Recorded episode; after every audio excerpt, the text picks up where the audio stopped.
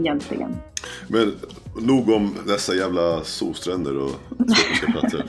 ja. Nej men eh, vi går tillbaka till, till, till eh, planen då. Så nu är du tillbaka i Högsbo, du kör i damettan. Eh, måste man ändå säga att det är kanske en nivå ner från vad du är van med. Men det kommer ju från spel Division 2 College Basketball i, Florida. Liksom, där det, du säger det är väldigt fysiskt, det är många bra spelare. En av dina gamla kamrater hamnar i WNBA.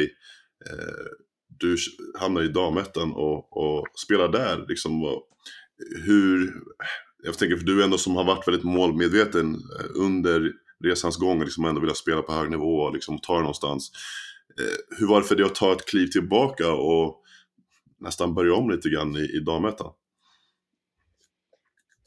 Eftersom jag var ganska trött på basketen innan, eller lite så här, jag var lite utmattad av det mentala och det fysiska. Eh, så var, jag minns att det jag satte som personligt mål den säsongen, det var bara skit i hur du spelar.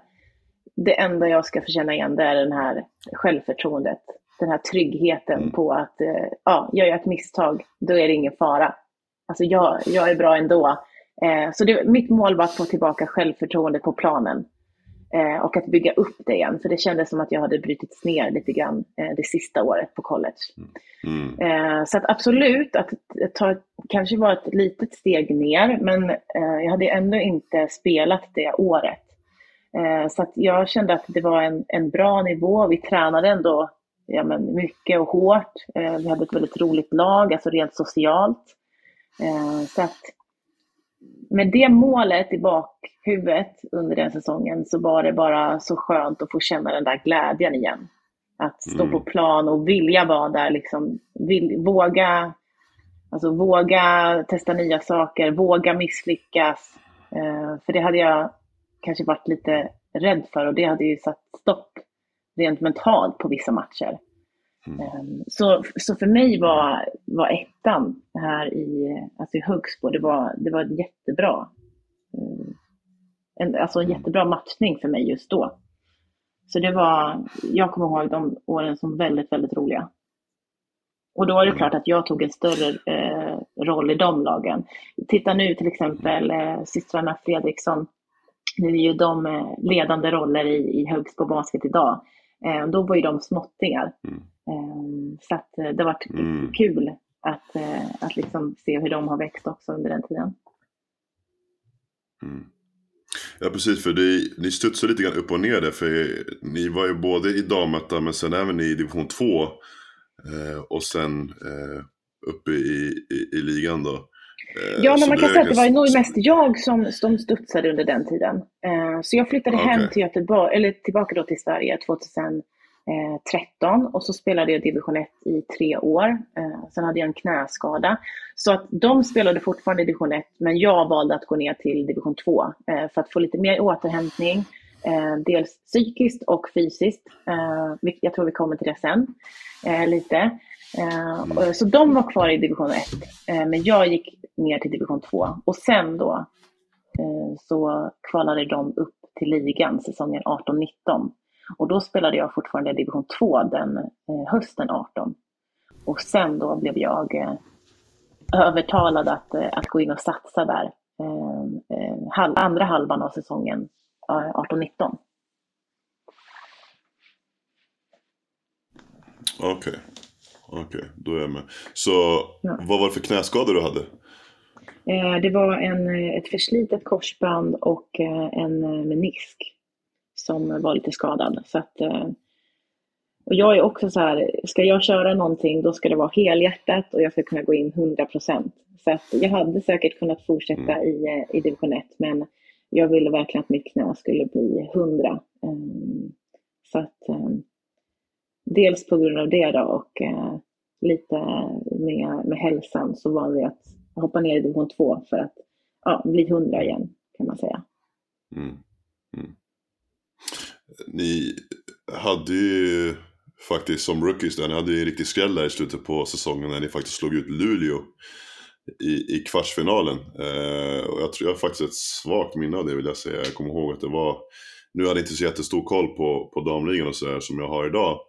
Eh, men berätta om den upplevelsen. Att komma upp i, i damligan som rookies och så slår ni ut Luleå det första ni gör i, i slutspelet. Ja, men det, det var ju riktigt häftigt. Um, jag minns det, eftersom jag spelade i division 2 på hösten, så minns jag att um, Hanna Johansson då, det var hon som övertalade mig. Åh, men kom med Sofie, kom vi ska vinna SM-guld. Och hon var ju en av dem som hela tiden trodde på att vi, vi kan vinna SM-guld. Uh, och det var många som sa, ja, ja, nu är det ju första året i ligan, liksom, vi får se hur det går, man vågar inte sätta för höga förväntningar. Um, så att dels först då, från att ha spelat mest på skoj då i division 2 med typ en träning i veckan till att gå upp till liganivå. Det var ju ett stort kliv först. Um, Mm. Men, eh, men, men det, gick, det gick bra. Eh, och jag tror att Luleå hade kommit till final de senaste alltså fem åren innan dess. Mm. Så att det kändes ju typ som vi hade vunnit SM-guld när vi slog ut dem i, i kvartsfinalen uppe i Luleå. Eh, så det, det, var, det var riktigt, det var, det var så kul och det var över allas eh, förväntan.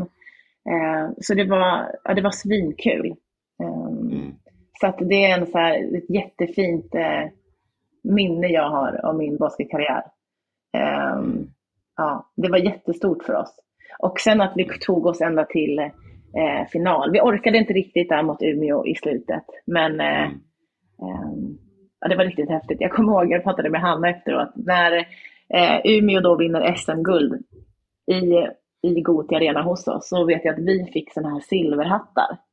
Mm. Jag kommer ihåg att hon sa det efteråt bara, men vem fan har köpt de här liksom? Det var ju liksom ett litet nedslag. Vem, vem fan går och köper silverhattar liksom? Det är ju guldhattar man ska ha eller ingenting alls. Mm. Eh, men alla tog ju på sig de här ändå och eh, ja, det var väldigt stort eh, att komma, eh, komma dit. Och det var väldigt kul då att eh, ja, hon hade ju lovat mig vi ska, vi ska ta ett SM-guld och ändå kommit till SM-final. Så det var, mm. det var jättekul. Om vi ska nöda ner oss lite grann i, i basket, alltså i bara basket. Hur kommer det sig, så två frågor. Varför tror du att ni hade eh, så mycket framgång ett första år i, i, eh, i damligan som rookies? Och varför tror du, alltså hur kunde ni slå Luleå liksom i, i kvarten som ändå hade varit ett powerhouse så länge och varit i final flera år i rad? Liksom, hur, hur gjorde ni det liksom? Om vi ska snacka rent basketmässigt liksom. Det är klart jag misstänker att ni kanske hade jättebra lagkemi och sådär. Eller, eller kanske ni inte hade heller, jag vet inte. Men oftast är det så, man har ju ganska bra lagkemi med, med sådana här lag som kan åstadkomma så mycket på, på ändå så kort tid. Uh, men jag tänker om man ska snacka lite så X's and O's, typ så. Hur, hur gjorde ni det? Ehm, jag kom ju in efter halva säsongen, så jag vet inte riktigt hur, hur stämningen var eh, det första den första perioden av den säsongen. Mm. Men när jag kom in, eh, då, då vet jag bara att det var väldigt härlig känsla i laget. Det var så att alla tjejer, alltså alla ville att alla skulle bli bättre. Eh, det var några som kanske inte fick spela eh, varje match, men det var ingen bitterhet i det. Eh, och det var liksom bara att man, alltså mm. riktigt bra pepp, alltså från varandra och från bänken och alla hade, alla hade väldigt roligt. Sen kanske det var någon mm. fördel med att okej, okay, här kommer vi ett litet lag från Göteborg, vi är rookies i ligan. Jag vet inte om man kanske underskattade eh, oss eh, lite eh, och att det var till vår fördel. Ehm, att vi liksom ja, eh, vann fler matcher då. Jag kan inte säga vad som var exakta faktorn att vi kunde slå ut Luleå, men vi hade väl ja, men scoutat väldigt mycket. Det är det jag minns.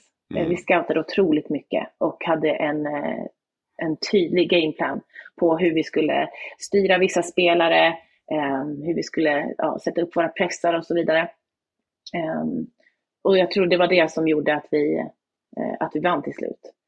Och det var ju chock för, för Luleå också. För att, och, det var ju ingen som hade trott att vi ens skulle komma vidare i, en, alltså i ett slutspel.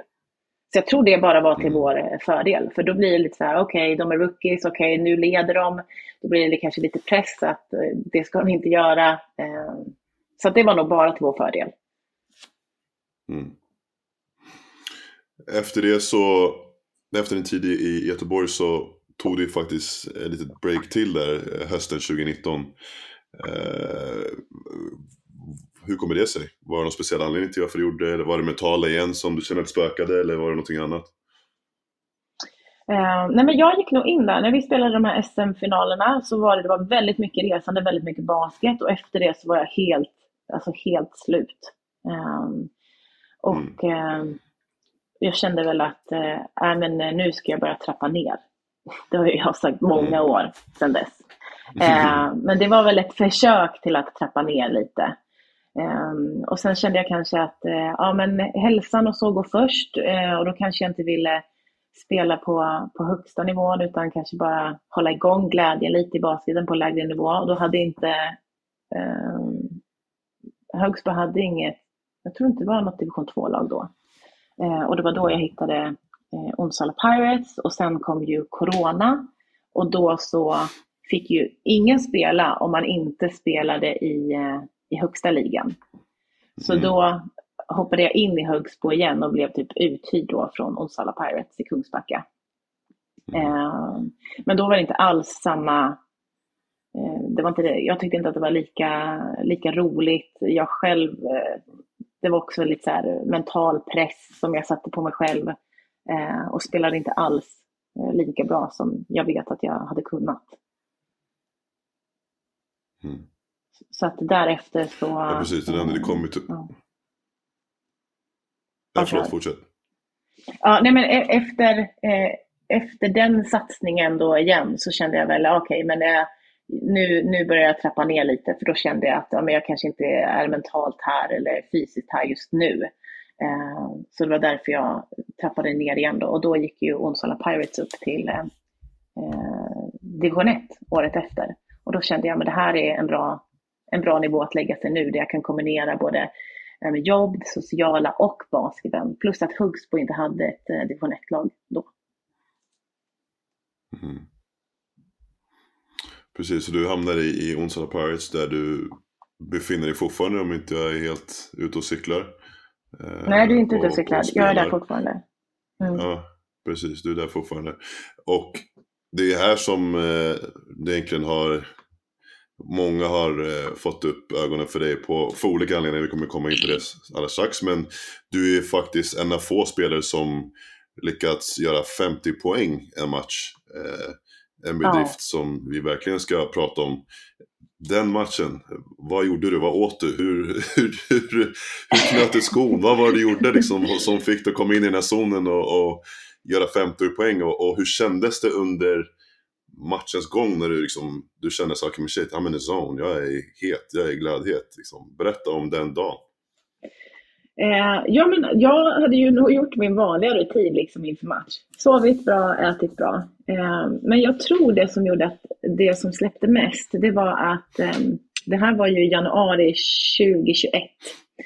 Och i december, mm. nej, vad blir det? Det här var januari 2022. Och i mm. eh, december 2021, det var då som jag... Nej men vänta nu, vänta du får ta om det här. När, när var det jag skrev till dig, när vi gick ut i tidningarna? December 22 måste det bli. Ja, du nej, menar när jag gick nej. ut i NT och sådär också? Ja, jag ska nämna det snart. Eh, det måste bara... Eh, ja, 21 ja, det var, var det. Nej, men det var ju förra året som jag gick ut i NT. Så det, Ja, det var förra året. 21 var det ja, precis. Okay, 21, okay, eller, jag, jag, jag, vet inte, fan jag har med Insta, jag har min Instagram tror jag någonstans Nej, 21, när jag la ut det. 21, för 21, 22 och 22, 23 är det ju nu. 21 är det. 21. December 21 är det. Okej, okay, 21. Ja, okay, då tar vi det okay. därifrån. Vill jag, vill jag Okej, okay. ja, yes, ingen fara. Mm, kör. Ja, ställ om frågan då. Ja, okej, okay, så om. Eh, så ja. du hade en bedrift där du hade 50 poäng. Eh, någonting som vi definitivt ska prata om. Och nu vill ju såklart alla veta hur gick det till? Vad åt du? Hur sov du? Vilken, vilken sko knöt du först? Höger eller vänster? Liksom, och berätta framförallt om när du är i, alltså under matchens gång, liksom, när du känner så okay, men jag är stekhet, liksom, liksom, allting, allting sitter. För det är en zon, det är, alltså det är en sån här zon som, som väldigt få faktiskt hamnar i. Så jag vet att jag har varit där någon gång. Och du vet, men den där känslan är alltså nästan alltså beroende. Alltså man blir nästan beroende av den känslan liksom, när man hamnar där. Men berätta, hur, hur var det för dig? Eh, nej, men jag håller med, alltså, känslan var ju fantastisk. Men nej, jag gjorde inget speciellt eh, eh, utöver min vanliga rutin med att sova bra, äta bra. Eh, dock tar jag alltid på mig skorna innan jag tar på mig shortsen, men det gör jag inför varje match. Eh, okay. Jag vet inte varför, men det är så, det är så jag kör. Eh, men jag tror det, det som, eh, som hade den största påverkan, det var nog att eh, innan då, i december året innan, 2021, eh, då så delade jag med mig om min, min resa eh, genom ortorexi, som är en, ja, en fixering vid mat och träning, där du mm. vill träna så mycket som möjligt och äta så nyttigt som möjligt och liksom vara så hälsosam du kan tills att det tippar mm. över och att du blir ohälsosam. Mm. Och jag hade precis droppat den här bomben då i december ehm, och det här var första matchen efter det. Och jag tror här någonstans att någonting hände inom mig. Att ehm, det var skönt att få berätta en, ja, för mig då, en, en hemlighet som jag hade gått och hållit på. Eh, och att eh, jag har jobbat väldigt mycket med mig själv under den här tiden och eh, mm. där jag nu då kunde skilja på det här är basket-Sofie på plan och det här är Sofie utanför linjerna. Eh, och att jag är bra som jag är eh, oavsett vad jag presterar på planen. Och att få dela den berättelsen med andra gjorde nog att när jag gick ut på plan så var det så här, ja, men jag, har ju, jag har ju berättat min hemlighet. Det, nu finns det ingenting att dölja. Eh, och oavsett om jag gör en bra match eller en pissmatch så är jag bra oavsett. Så det mm. släppte lite på den här mentala spärren som jag fortfarande kan brottas med eh, ibland. Mm. Eh, och då var det liksom, okej, okay, men jag, jag kör. Och sen eh, ja, kom jag in i mitt flow. Och eh, jag kan ju säga, det var ju inga, det var inte jättemycket treor, det var inte så här, eh, alltså de flashigaste poängen du har sett. Utan det var, det var jobb under korgen. Eh, och så kände mm. jag bara, men du, det här kommer, det här kommer gå. Eh, så det var kul. Jag har aldrig gjort 50 poäng eh, innan dess och jag tror jag är den första eh, tjejen i, i division 1 i Sverige som, som gör det. Så mm. jag tror det mentala, det var det som, som ledde till det. Sen självklart, alltså bra förberedelser, att jag var i form och jag hade väl en asbra dagsform just den dagen. Och bra lagkamrater som eh, gav mig det utrymmet och insåg okej, okay, Sofie het den här matchen, okej okay, då passar vi henne. Mm. Så att eh, utan dem mm. hade det inte varit möjligt. Mm. Kommer du ihåg eh, vilka ni mötte och hur många skott du tog totalt? Oj, vilka var det? Hmm. Nej, jag tror inte jag minns. Um... Jo, Södertälje kan det ha varit. Eh, Södertälje första gången jag gjorde 50, ja. Eh, kommer inte ihåg hur många skott jag tog, men jag vet att det var väldigt högprocentig eh, hela mm. matchen. Ja, det är det jag minns. Eh, sen att alla, alla skrek. Det hade tydligen varit ett litet så snack på, på läktaren. Bara, måste gå för 50, men jag brukar ju skärma av sånt, så jag hörde ingenting. Eh, jag bara körde mitt, eh, mitt game och sen bytte jag ut och det var då så här, ja, ah, shit, 50 poäng. Mm. Hur var responsen efteråt, eh, när du, efter matchen? För jag tänker, nu har du liksom gått ut med eh, vad du kallar för din hemlighet, liksom, eh, någonting som du har brottats med under en längre period liksom, och eh, verkligen blottat dig för, för världen, liksom, vad du kämpar med. Och, samtidigt som du har den här framgången direkt efter. Så hur, jag tänker på sociala medier och så här, jag kan tänka mig att det kanske plingar till lite extra och folk kanske har kommit fram till det efter matchen och eh, bytt ut några ord. Eh, berätta, hur, hur var det? Ja, men det var väl en, en mini-explosion, eh, får jag väl ändå säga. Eh, nej, men jag, det, var, det, kändes, eh, det kändes skönt för att innan hade jag nog varit lite rädd att, eh, att dela med mig av, av min egna resa eftersom det var någonting som jag inte hade berättat för någon innan. Bara kanske mm. några, några få vänner. Så det var, man visste ju inte riktigt hur responsen skulle bli. Att oj, vad, vad kommer folk kanske tycka och tänka nu? Men jag visste att i hjärtat längst inne så kändes det ändå rätt. Så här, men det här är någonting som jag vill dela med mig om. För är det någon som, som har känt som jag eller känner som jag så ska de fan veta att du är inte ensam. Och det finns hjälp att få. Um, och att just få den här andra responsen då, för jag fick väldigt, väldigt mycket, mycket kärlek. Eh, efter det och att man är modig och sådär. Även om jag tycker att, ja, jag har ju bara berättat vart jag var, vad jag har varit med om.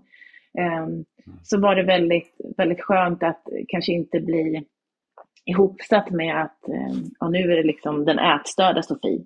Eh, att det är bara mm. det som ska få eh, bli min nya identitet. Utan ja, men det här är min story, det här är, händer liksom bakom basketen men jag kan fortfarande prestera på planen.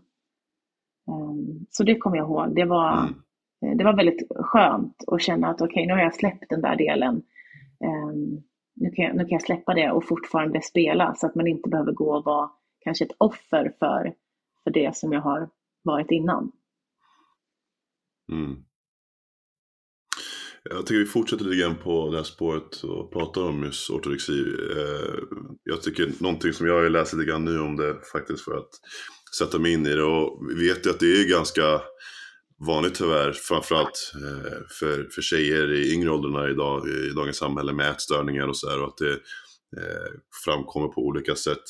Eh, jag har ju en brorsa som jobbar Eh, på Solna gymnasium som eh, eh lärare i specialidrott. Så han ser det här ganska ofta tyvärr, liksom att många tjejer som just lider av prestationsångest och att det Eh, tyvärr sen resulterar i liksom olika former av ätstörningar och så. Eh, och eh, sen för att inte nämna liksom det man ser på sociala medier liksom med body dysmorphia liksom, och tjejer som jämför sig med hur man ska se ut och det skönhetsidealet eh, som finns. Och tyvärr sätter sig i allt för unga åldrar. Jag snackar liksom, även innan gymnasiet, liksom högstadiet, mellanstadiet och så vidare. Och så vidare. Ja, nu när man har hört din historia och, berätt, och du berättar liksom från när du började i Sörping och liksom din prestationsångest som du har haft. Och, eh, men ändå väldigt målmedveten och ändå tagit dig fram eh, och lyckats med dina mål. Var det lätt för dig att kunna se det här mönstret liksom med det här eh, beteendet som du har haft under en längre period med hur du har tänkt, ditt tanke, dina tankemönster. Var det lätt att kunna se ett samband med det och kanske eh, din, dina symptom och din ortodoxi? Eh, att du kunde dra de parallellerna liksom. För jag tänker mig när man går i terapi så är det någonting som man får hjälp med ofta, liksom, att man kan se sambandet och förstå orsaken bakom eh, liksom det, man, det man kämpas med. Absolut. Um, alltså innan så var det lite så här, man visste inte varför man hade hamnat här, exakt vad som har påverkat, men ju mer då man har gått till exempel i terapi och som du säger fått ihop de här pusselbitarna och fått lite hjälp i att se helheten. Mm. Så absolut, och det börjar ju redan alltså, i tidig ålder. Väldigt målmedveten, väldigt självdisciplinerad. Um, jag vet att i eh, gymnasiet till exempel så fick jag alltid höra att jag, eh, jag var långsam i försvaret. Och då tog jag hjälp av några coacher och mm. deras svar var då, men du måste gå ner i vikt för att bli lättare i mm. fötterna så att du kan röra fötterna snabbare. Och jag vill ju bli, jag vill ju bli bäst. Så att, eh, att höra det här svaret, det var ju en självklarhet för mig. Okej, okay, men coacherna säger så. Okej, okay, då, då ska jag gå ner i vikt. Eh, jag fick också då skriva min första matdagbok. Då var jag alltså 16-17 år. Eh, och, och, det har ju på något sätt så satt sig. Då fick jag höra, okej okay, men du äter för mycket bröd och du äter för mycket yoghurt. Eh, så nu ska du inte äta det och du ska bränna extra på löpandet utöver all träning då med grabbarna i skolan eh, på basketgymnasiet plus då damlagsträningarna eh, på kvällen. Eh, och jag säger inte att det finns en, en specifik händelse som har gjort att jag just har hamnat i det här mönstret. Men att ha det här eh, prestationsångesten, vara självdisciplinerad, älska planering eh, upp och älska uppnå sina mål, alltså ha kontroll över allt.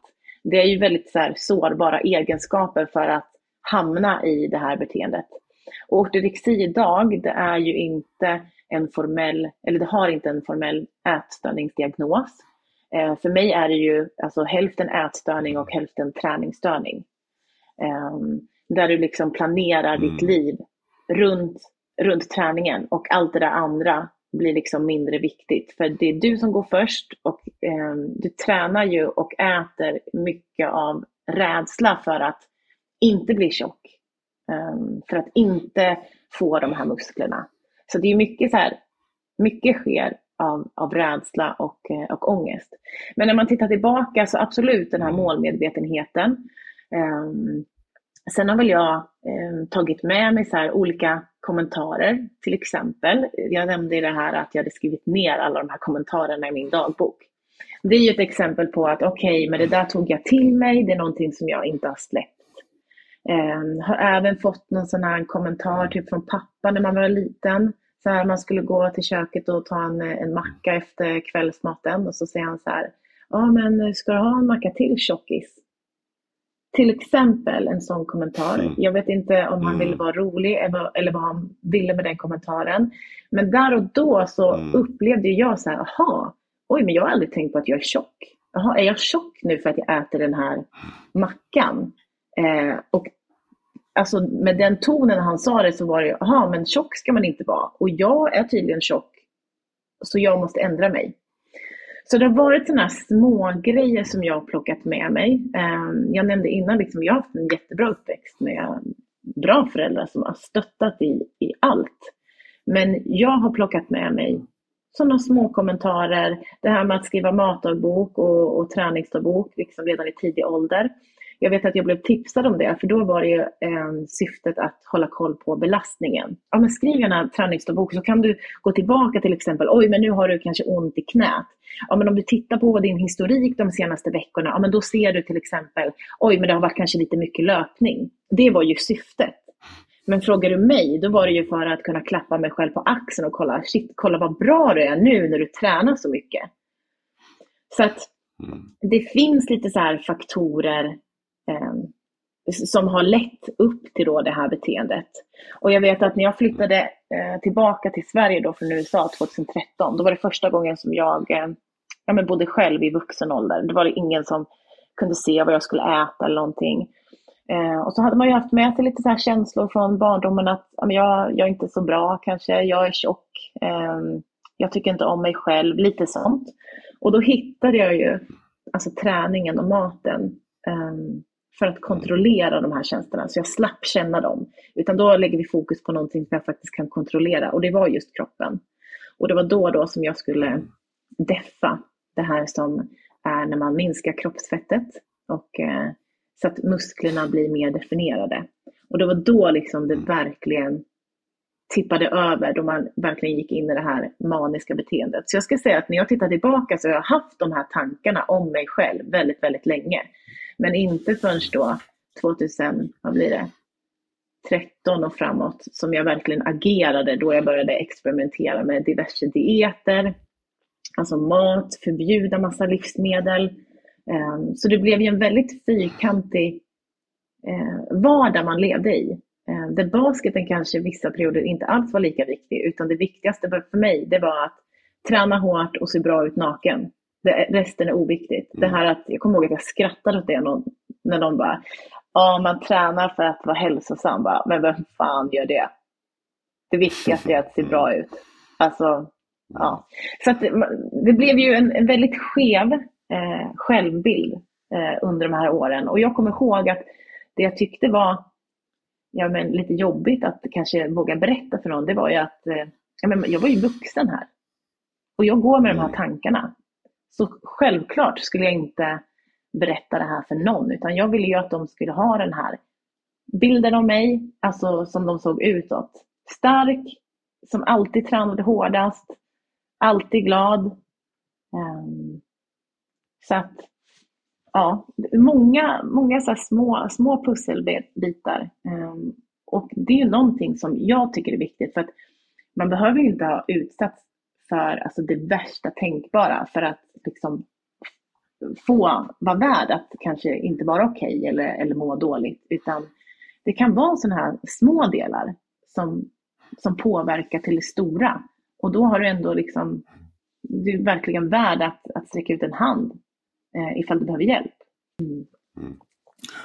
Ja, det, alltså, det jag tänker också nu med allting du berättar är att det, alltså, ord ord är viktiga, alltså ord betyder någonting. Liksom. Är, man säger mycket idag liksom, att ja, men vi lever i ett så PK-samhälle, liksom, man, man får inte säga någonting. Och, men jag tänker, här får man verkligen höra varför ord Alltså ord är viktiga liksom. Eh, även om det kan tänkas oskyldigt från din pappa, han kanske säger som ett litet skämt och han menar säkert ingenting illa med det. Men det kan ändå vara någonting som sätter spår liksom i ung ålder och som kan påverka en i vuxenlivet. Eh, precis på samma sätt som en coach Eh, liksom, även fast man är i en sån miljö som kan tänkas vara hetsig och han försöker bara få, han eller hon försöker få fram det bästa ur en och, eh, och vill att du ska prestera på topp. Men kan förmedla meddelandet på fel sätt som gör att det får motsatt effekt. Eh, och det är det här som är så viktigt liksom, med hur, just hur man förmedlar saker och ting, hur man säger och saker och ting, vad man säger till folk. Eh, speciellt inom eh, en bransch som är väldigt prestationsbaserad eh, och speciellt till unga killar och tjejer. För det kan få totalt motsatt effekt och kan sätta spår resten av livet i olika former, mentalt, liksom, äh, ätstörningar, liksom, you name it. Uh, jag menar, du, jag vet att jag håller. du är inte den enda egentligen som har varit med om, om och sånt här. Liksom. Du, du är inte den enda som har varit med om det här heller. Liksom. Det finns ju flera som har varit med om, om saker och ting men som inte kommit fram och, och berättat om det heller. Liksom. Så det är superviktigt egentligen hur man säger saker och ting. Ja, men jag tror absolut inte att jag är ensam. Sen är det kanske inte ett, eh, någonting som alla pratar jättehögt om. Men eh, det här du sa mm. med att ord spelar roll. Och jag menar, man, mm. Det är svårt att eh, vara helt neutral i allt. För alltså, de man möter har alltid en ryggsäck med någonting mm. i. Så att, oavsett vad du säger så är det ju någonting mm. som säkerligen triggar någon i rummet. Ehm, medan du är helt omedveten. Men just att man har den där dialogen, speciellt då till exempel alltså med, eh, med spelare och coacher, att, att man är tydlig med att men det som eh, händer på plan, det handlar om er prestation, det ni gör och sen tycker jag att det är viktigt att ha en bra relation utanför. Eh, där liksom spelarna får mm. känna, okej, okay, men jag, jag är bra som jag är, att man, att man är man är tydlig med att sätta de, de spelreglerna från början. För jag tror att jag hade behövt det när jag var liten. Det var ju ingen som eh, mm. berättade det för mig. Eh, eller kanske så kopplade in någon, någon idrottspsykolog eller någonting som man, någon som man fick prata med. För att i mitt huvud så var jag samma person överallt. Eh, oavsett om jag hade en, en bra eller dålig match. För det var det som mm. jag tog med mig hem. Hade jag en dålig match eller dålig träning, då var jag dålig. Eh, och det här tror jag är någonting som man, man kanske hoppar över eller tar för givet att folk ska fatta. Men jag tror inte att det är så självklart för alla, speciellt inte i, i ung ålder. Så någonting som jag hade behövt då är ju någon som sa att det här är vad du gör, men det här är vad du är utanför. Och det spelar ingen roll vad du presterar, för att ditt värde kommer inte förändras eh, oavsett det. Mm. Vad som händer eller vad du gör. Mm. En annan grej som jag tänker på Men också. Jag, det här det är ju faktiskt lite roligt för att vi har ju inte kör. Nej, förlåt, jag tänkte bara en annan grej som jag tänkte på också som var väldigt, som var väldigt så här, äh, som, som, som framkommer också det här man pratar om träningsbelastning liksom, och hur mycket man egentligen ska träna i, i, i, i ung ålder.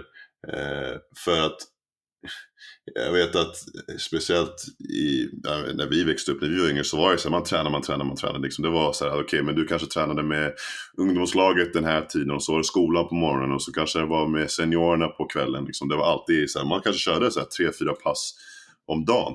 Eh, vilket idag egentligen här är, är helt orimligt liksom, med tanke på allting vi vet idag om, om eh, liksom forskning som gjorts med återhämtning och belastning och hur mycket man ska träna för att verkligen kunna prestera liksom, och hur mycket av det som verkligen ger resultat egentligen. Liksom. Men så var det inte alltid under den tiden vi växte upp, liksom. så vi snackar ja, men tidigt 2000-tal, eh, ja, 2010-talet där.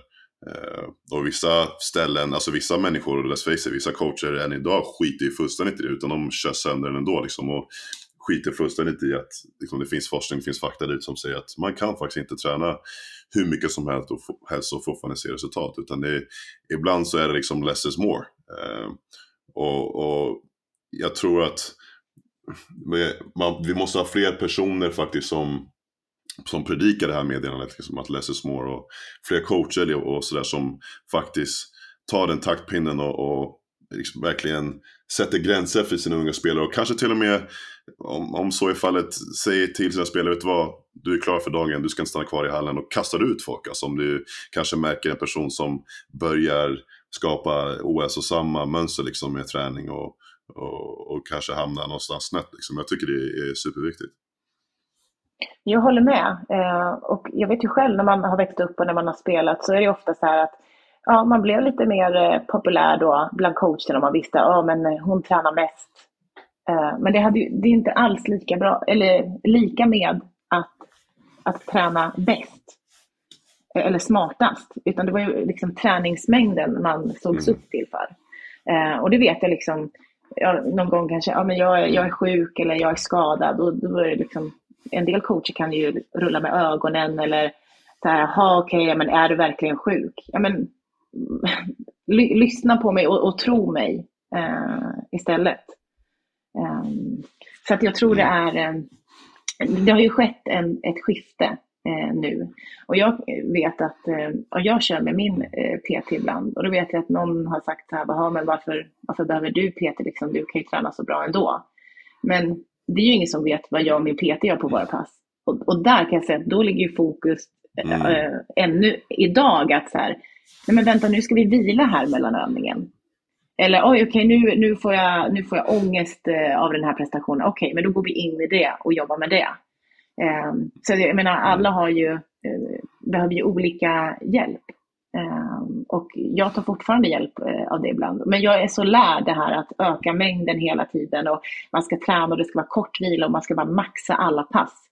Ehm, jag menar, går det 100 i allting så kommer det ju inte bli 100 i resultatet. Utan går det 100 någonstans så får du ju eh, dra ner på något annat.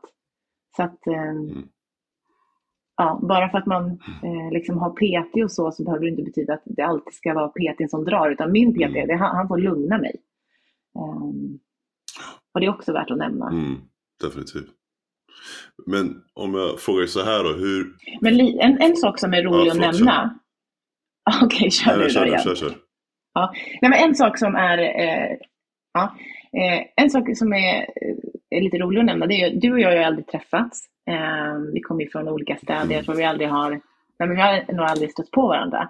Men den dagen jag fick reda på vem du var, det var ju när jag hade droppat min, eh, eh, ja, min hemlighet, eller då berätt, valt att dela med mig eh, om min resa i ortorexi. Då hade ju eh, Göteborgsposten, alltså GP, eh, gjort en artikel om mig. Eh, och jag tror på samma dag så hade Norrköpings Tidningar, NT, skrivit en artikel om dig. Visst stämmer det? Aha, jo men det kan nog stämma. Alltså jag vet ju att jag, precis, så NT intervjuade mig när var det då? Det var någonstans vintras 2021 eller 2022 vill jag säga. Eh, kommer inte ihåg exakt. Eh, men det var men nog jag vet också att Ja. Ja, ja men det stämmer nog. Då, jo, det stämmer nog. Eh, ja. Eh, det kanske, i och för sig, det kanske var så att när jag, från att när jag intervjuades till att de faktiskt publicerade det kan ju dröja lite där. Så jag vet inte exakt när det var. Det, det är någonstans på min Instagram vet jag, jag har lagt upp det, eller jag har artikeln hemma någonstans. Eh, men ja, det, det stämmer.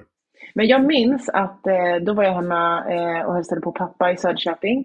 Eh, och då hade jag precis då droppat den här bomben för mina föräldrar som inte visste så mycket om det. Så det var ju en liten chock för dem. Men jag hade ändå frågat mm. om, det, om det fick vara med i, i tidningen. För, um, eller jag hade preppat dem på det.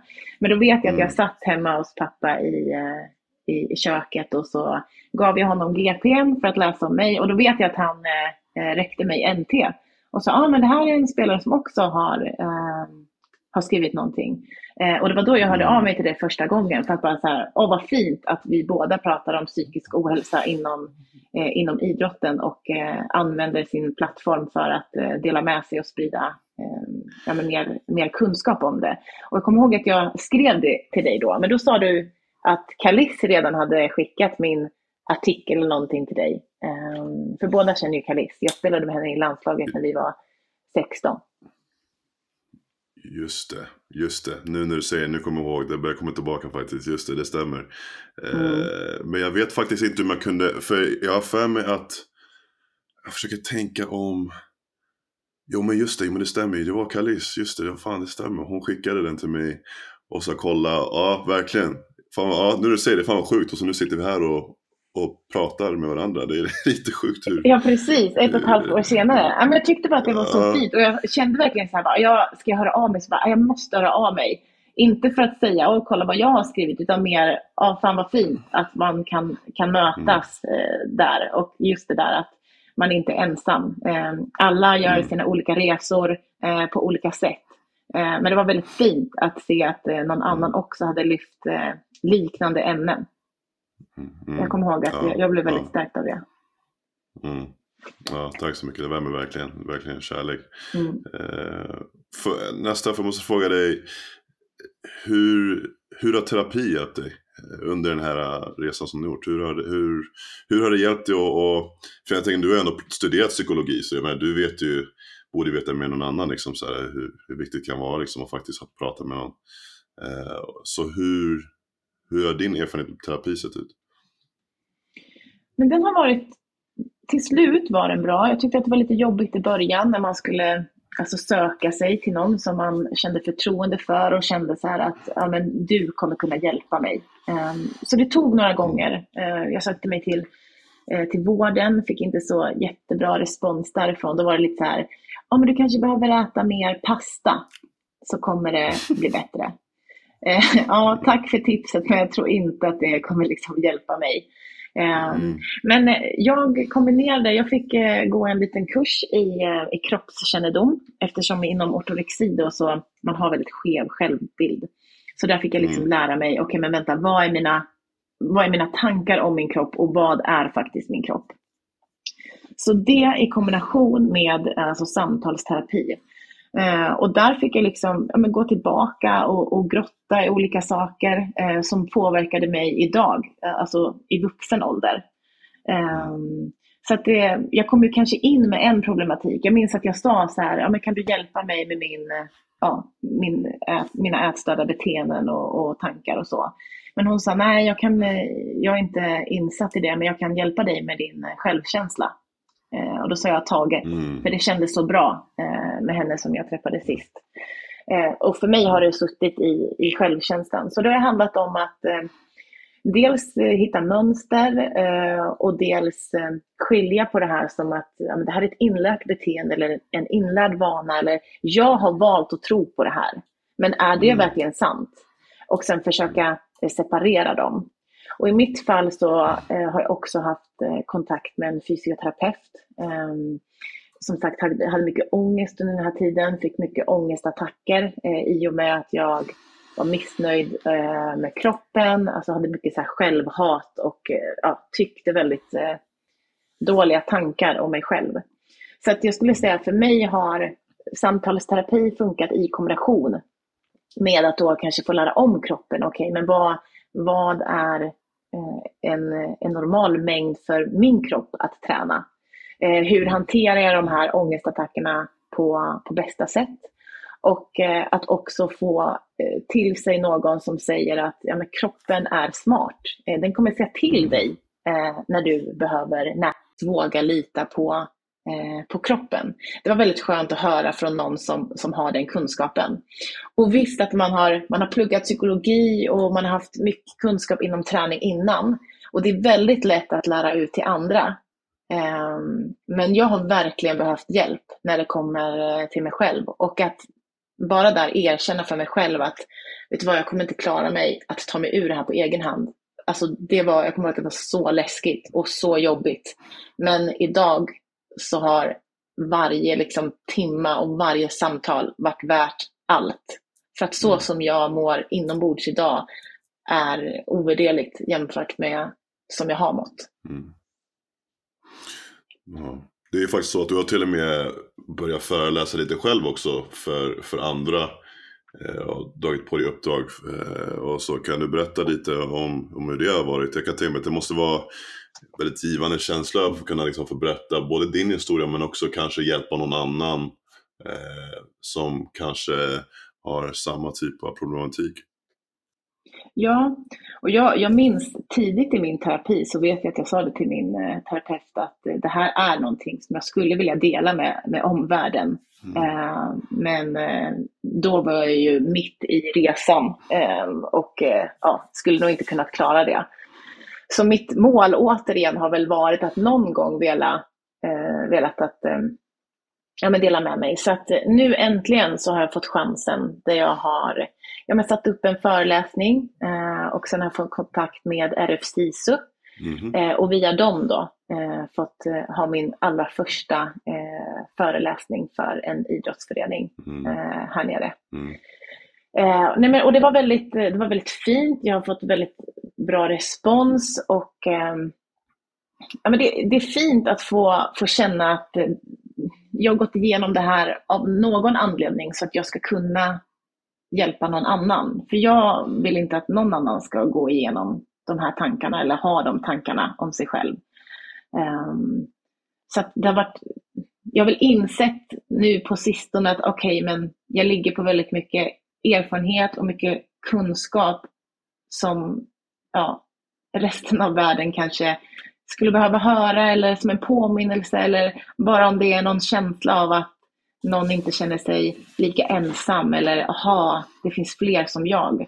Så känner jag att jag har gjort något, något gott för någon annan. För jag vet att jag hade behövt det eh, när jag var mitt i det. Eh, och som sagt, det ökar. Det går lägre ner i, i, i åldrarna. Um, och det tar väl sig lite i olika uttryck då för både liksom, tjejer och killar. Mm.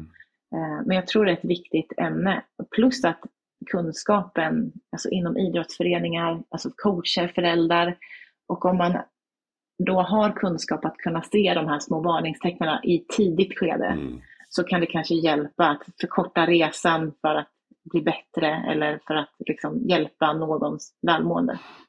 Mm. Ja, mycket bra saker. Mycket väldigt, eh, jag måste säga väldigt lärorikt, väldigt inspirerande. Eh, jag har lärt mig en hel del bara av att sitta och lyssna på dig här nu. Och, eh, men även liksom det, det som jag läst om, om ortorexi innan och så, men väldigt, väldigt lärorikt faktiskt. Jag hade nästan önskat att jag satt med på föreläsningen själv där nere faktiskt. Det hade varit väldigt intressant. Och, du är välkommen. Ja, verkligen. Alltså, det är det som jag ville göra, som ska vara helt ärlig. Mm. Jag ställer en, en sista fråga innan vi går vidare till lite, lite avslutande snabba frågor. Uh, jag hade med Martina Stålvant här i, för inte så länge sedan i ett avsnitt och hon, ja, en av, ett av mina favoritavsnitt än så länge, med, liksom, hon delar med sig av otroliga saker som hon har varit med om. Uh, och, ja, väldigt häpnadsväckande liksom, och, och sådär måste jag säga nu frågar jag dig också som en annan kvinna i sporten liksom, som ändå spelat väldigt länge. Hur, hur, har, hur har din erfarenhet varit liksom, eh, med, att vara i en mansdominerad bransch och, och, och spela basket liksom, och alla de här äh, grejerna som, som kvinnor kanske måste handskas med som, som vi män inte alls måste äh, handskas med? När jag tittar tillbaka på ja, men de lagen jag har spelat i och, eh, och allting som har skett utanför. Jag skulle inte säga att jag har varit jättepåverkad, alltså just för att jag är, är kvinna. Utan jag blev nog mer påverkad i sporten, alltså av eh, ja, men det här som vi har pratat om. Ja, men hur kommunicerar man mellan coach och spelare? Vad säger man till varandra? Hur är tänket? Eh, alltså det här med att man ska träna mycket och sådär. Alltså det som i sånt fall har, eller har påverkat när man tittar tillbaka på det, det är väl kanske det här att man vet att eh, ja, men killarna fick alltid kanske lite mer ersättning än oss eh, tjejer. Mm. Eh, när man tittar tillbaka så är det ju många tjejer som har ett heltidsjobb och, eh, eh och pluggar. Mm. Eh, och tittar man på herrlaget så kanske det var fler där som kunde, ja, kunde ha basketen som sitt enda jobb för att försörja sig till exempel. Eh, och sen vet jag att eh, ja, det är fortfarande så lite att man, om man ska ha ett dubbelmöte då, eh, damlag och herrmatch samma dag, så lägger man ju kanske dammatchen först för att de flesta ska stanna kvar till herrmatchen och som att inte de liksom ska, eh, ska smita efter herrmatchen så är det ingen kvar för dammatchen. Så vet jag att det är väl typ det enda som jag har känt. Eh, annars har inte jag blivit påverkad så eh, i de lagen där jag spelat. Eh, ta till exempel Växjö Queens, där var ju liksom damlaget det som var i högsta serien i, i den klubben. Eh, så där fick man ju liksom väldigt mycket, eh, alltså bara för att man var, var det enda damlaget. Eh, samma sak högst på basket. Eh, där är damlaget det som ligger i högsta serien. Eh, och nu även spelar, när jag spelar Onsala Pirates nu då, Eh, så är också eh, damlaget, det är det som har varit i, i högsta, eller näst högsta serien då, men högsta serien i den klubben. Mm. Um, så jag skulle säga mer att jag blivit påverkad av ja, men, tänket, det här med basketen, att okej, okay, då kanske man sa att eh, du ska gå ner i vikt för att bli bättre i försvaret. Eh, idag vet man att eh, det kanske, vi kanske har en påverkan, men det är kanske inte det första svaret man ger, utan då tränar vi på, Eh, på snabba fötter och snabbhet och styrka eh, istället till exempel. Så att, eh, att ha varit kvinna i sporten, det handlar väl mest, i mitt fall då, att man har sett att det är en, en diff i eh, ja, ersättning. Eh, det skulle jag säga är det främsta, eller att, att killarna fick ett större och bättre omklädningsrum än vad vi fick. Det är det, när jag tittar tillbaka, så är det det, det jag tänker på. Annars skulle jag inte säga att i mitt fall har det inte påverkat mig på det sättet. Jag tänker att vi börjar avrunda lite grann här och, och vi kommer köra snabba vi, vi, vi kommer avsluta på samma sätt som vi börjar helt enkelt och köra lite snabba frågor här. Eh, så ja. fråga nummer ett. En artist som du lyssnar på dagligen? Oj. Um... Här blev det tyst. Här blev det tyst. Uh, här blev det tyst.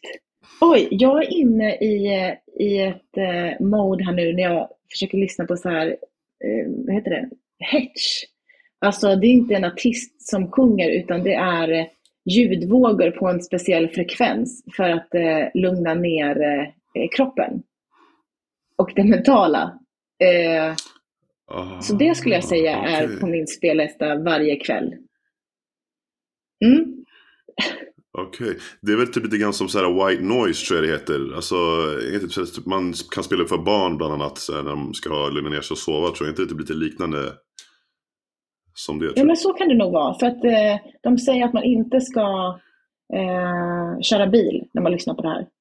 Så att det är, eh, okay. det är någonting med de här frekvenserna med energierna i kroppen som gör att man blir, eh, ja, nu kan inte jag allt det här, men någonting som man lugnar ner sig och, och kommer in liksom i, inför sömn. Det skulle jag säga går på min spellista varje dag nu. Okej, okay. Hetch heter det, sa du? Ja, alltså Hetch som i eh, H-E-R-T-Z. Som i, eh, alltså mega Hetch. Aha, okej, okay, Hetch, okej, okay, du är med. Yes, okej, okay, Hetch. Ja, ja. Vi kör nästa fråga. Det första jag gör när jag vaknar på morgonen? Dricker vatten. Är det. Då är jag törstig. Jag ja, är inte en kaffedrickare eller något okay. annat. Det är, ja. Dricker vatten. Ja. Är du en sån där som har eh, glas vatten på nattduksbordet typ, alltså, så du dricker även under natten så här, innan du går och lägger Eller är det att du går direkt och springer till köket och tar glas vatten? Jag springer, jag springer till köket direkt. Jag har aldrig varit en sån som har vattnet vid sängen. Så det är först dricka och sen gå på toa. Det är liksom, sen är jag människa. Okay. Mm. Nästa fråga. En bucket list destination som du känner att du måste besöka? Eh, min dröm har alltid varit att eh, sova i en sån här bungalow på mm. havet. Ehm, sen är destinationen eh, kanske mindre viktig, men det ska vara en sån paradisö. Så någonstans kanske Indonesien mm. eller något sånt. Mm. Mm. Ja, det låter som en dröm faktiskt. Det ligger på listan. Uh. Ja. ja. Okej, okay. och sista frågan då, innan vi avrundar. Vem hade du velat se i Between the Lines? Oj. Um... Jag har nog inget namn, men... Eh, oj, oj, oj. Alltså, du, jag får ju säga... Får det vara, eh, måste, det, får det vara, måste det vara spelare? Nej, alltså det måste inte vara spelare för nu har jag, jag har börjat med ett nytt koncept här för att vi, alltså helst ska det vara någon som har hållit på med basket i så fall. Men jag har ju börjat ett nytt koncept där jag kör med ja, men även så här, forna spelare som kanske spelade typ i ungdomsålder liksom, men kanske aldrig spelade proffs. Jag, menar, jag hade med Stefan Jovanovic här för inte så länge sedan. Eh, också. Han eh, spelade aldrig på något sätt superhög nivå liksom, men han är ändå väldigt, väldigt aktiv inom basketen på andra sätt. Liksom, som sportchef och, och sitter med i styrelsen i AIK Basket nu. Allt vad det, är. så det kan vara någon sån typ av person också. Eh, men kanske inte någon så här jätterandom som in, aldrig varit involverad om man säger så. Gud vad svårt. Um... Alltså, då skulle jag nog välja min, eh, min coach då, eh, Rickard eh, Ris Vågrud, som är en av de bästa ungdomscoacherna i, eh, i Sverige. Jag tror du vet vem det är, för att han coachar ju i Dolphins. Okej, okay. vilken åldersgrupp är det han har här? Oj, han har ju haft Antingen är det så att han inte coachar i år, men hans eh, han har haft, vad kan det vara, flickor 07 kanske? Flickor 07, okej. Okay, ja, jag får, jag får kika på det och se om, se om ja, kan... Han är väldigt duktig på att eh, motivera och utveckla unga spelare. Um, han är ju nergrottad i eh, basket otroligt mycket. Så det har varit kul att eh, få höra hans eh, hans nycklar till varför han eh, lyckas eh, så bra med sitt sätt att, eh, att utveckla spelare. Mm. Mm. Ja, får se om jag kan lycka till med att eh, ja, Lycka till med att klippa ihop det där svaret. ja, får se. jag kommer kanske försöka hitta honom i hallen innan jag, innan jag sticker ut i Stockholm. Vi får se. Ja. Mm. Han har ju även det här, vad heter det, det här campet i, i slutet av, eller i början av augusti när han tar in eh, alltså, jättebra coacher från Europa. Eh, det heter väl Norrköpings Basketball Camp. Jaha, okej. Okay. Är det han som har hand om det campet? Ja, ja. Okej, okay. jaha, det är som F. Okej, okay. för jag tror att jag såg det på sociala medier också faktiskt. Det dök upp på, på äh, på min, eh, på min flöde någonstans att de håller på och försöker hitta coachen. Jag tror de hade hittat den nya coachen faktiskt. Om det var någon damlagscoach från Litauen där fem eller något sånt där faktiskt som skulle vara med och, och, och strö lite och ah, föreläsa. För. Kan vara. Mm. Men då vill jag tacka så mycket Sofie för att eh, du ställde upp och delade med dig av din resa och din personliga resa med basketen men också med det du har kämpat med utanför ortodoxi. Eh, och allt du åstadkommit eh, på och utanför planen. Eh, verkligen stort tack, stor eloge till dig. Eh, jag hoppas att det här avsnittet har gett eh, lyssnarna någonting liksom och det kanske finns någon där ute som varit i, eller är i samma situation som dig som kan ta, ta någonting från det här avsnittet och verkligen eh, ta till sig och, och, och, få hjälp faktiskt. Eh, så verkligen stort tack eh, till dig. Ja, men tack snälla. Eh, det är alltid kul att få eh, vara med så här. Och ibland brukar jag tänka, jag vet att jag har nämnt det innan till dig, att ja, men det är bara de här kanske största namnet, man måste liksom, ha spelat i landslaget eller de högsta ligorna i Europa liksom, för att kunna ha någonting att dela med sig av. Eh, jag vet att jag har tänkt så i, i många år. Jag menar, alla har sina olika karriärer, alla har sina olika mål. Jag har gjort det jag vill göra i mitt liv Eh, Eh, och det, det, är väldigt kul när någon så uppskattar att det jag har att dela med mig av eller berätta eh, är någonting som andra vill, eh, vill lyssna på. Så jag, jag, jag säger detsamma. Jag hoppas att någon kan ta med sig något från det här avsnittet. Så tack! Mm, tack, tack. Och med det sagt så vet ni vad det är. Det är Between the Lines med mig, Elias Desport, podden som är avspelare, förspelare. Eh, om ni vill följa oss på sociala medier så kika in på BTL-podden på Instagram. Där är det enda stället vi finns på just nu. Vi kanske hamnar på andra plattformar också, men just nu är det där som vi finns. Och eh, som vanligt så är avsnittet producerat av Anders Alvin. Jag hoppas att ni har det bra där ute. Kram på er kärlek och jag hoppas att ni njuter av vädret precis lika mycket som, som jag gör. Ha det bra så länge.